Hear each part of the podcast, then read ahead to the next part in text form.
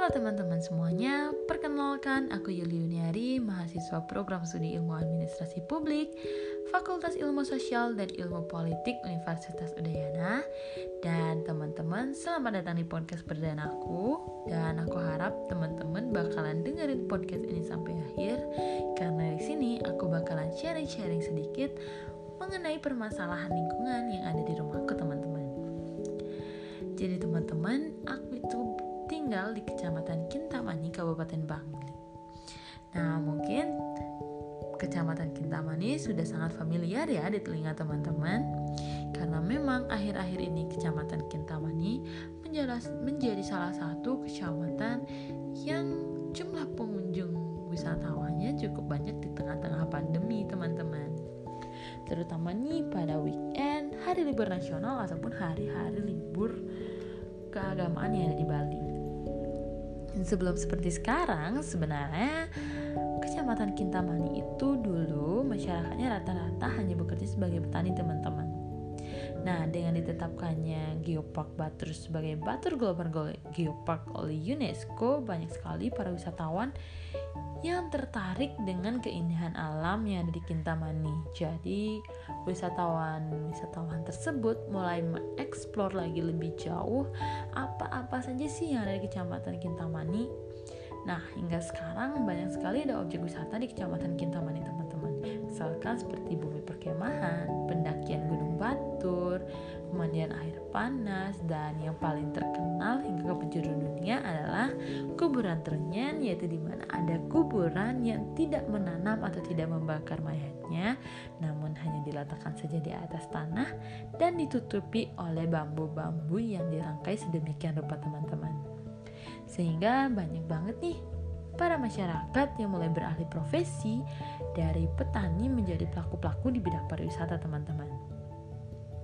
Nah, pengembangan pariwisata ini tentunya membawa dampak yang cukup positif terhadap pengembangan ekonomi masyarakat sekitar.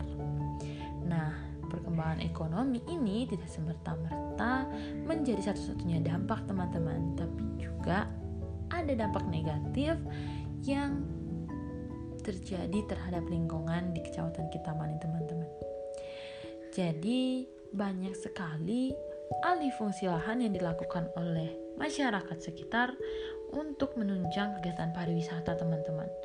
Nah, pembangunan-pembangunan dilakukan untuk menunjang pariwisata itu, memberikan fasilitas-fasilitas dan banyak pilihan terhadap para wisatawan teman-teman. Nah, pembangunan ini tidaklah mengedepankan prinsip pembangunan berkelanjutan, yaitu pembangunan yang tidak mengesampingkan atau tetap mengindahkan kondisi alam, teman-teman. Jadi, di Kecamatan Kintaman itu pembangunan hanya difokuskan kepada pembangunan, tapi tidak kepada pembangunan keberlanjutan. Jadi, efek samping ini memberi dampak yang cukup negatif terhadap alam. Padahal pemerintah Kabupaten Bangli sendiri sudah mengeluarkan Perda nomor 17 tahun 2016 tentang perlindungan kawasan konservatif Geopark Batur teman-teman. Jadi seharusnya kita memang melindungi dan juga menjaga kawasan konservatif ini. Namun ada permasalahan di mana memang di kawasan konservatif ini masih menjadi hak milik dari perseorangan teman-teman. Jadi masyarakat memiliki hak penuh terhadap kawasan tersebut karena memang kawasan tersebut masih milik mereka teman-teman. Jadi masyarakat itu masih memiliki sertifikat atau tanda bukti bahwa log beberapa lokasi memang dimiliki oleh oleh masyarakat itu maksudnya.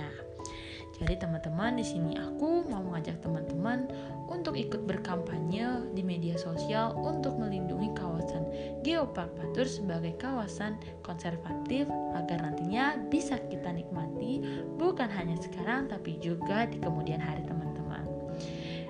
Nah, sekian saja podcastku kali ini. Aku minta teman-teman untuk like podcast ini dan juga komen.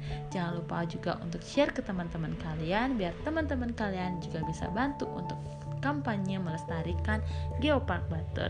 Terima kasih teman-teman.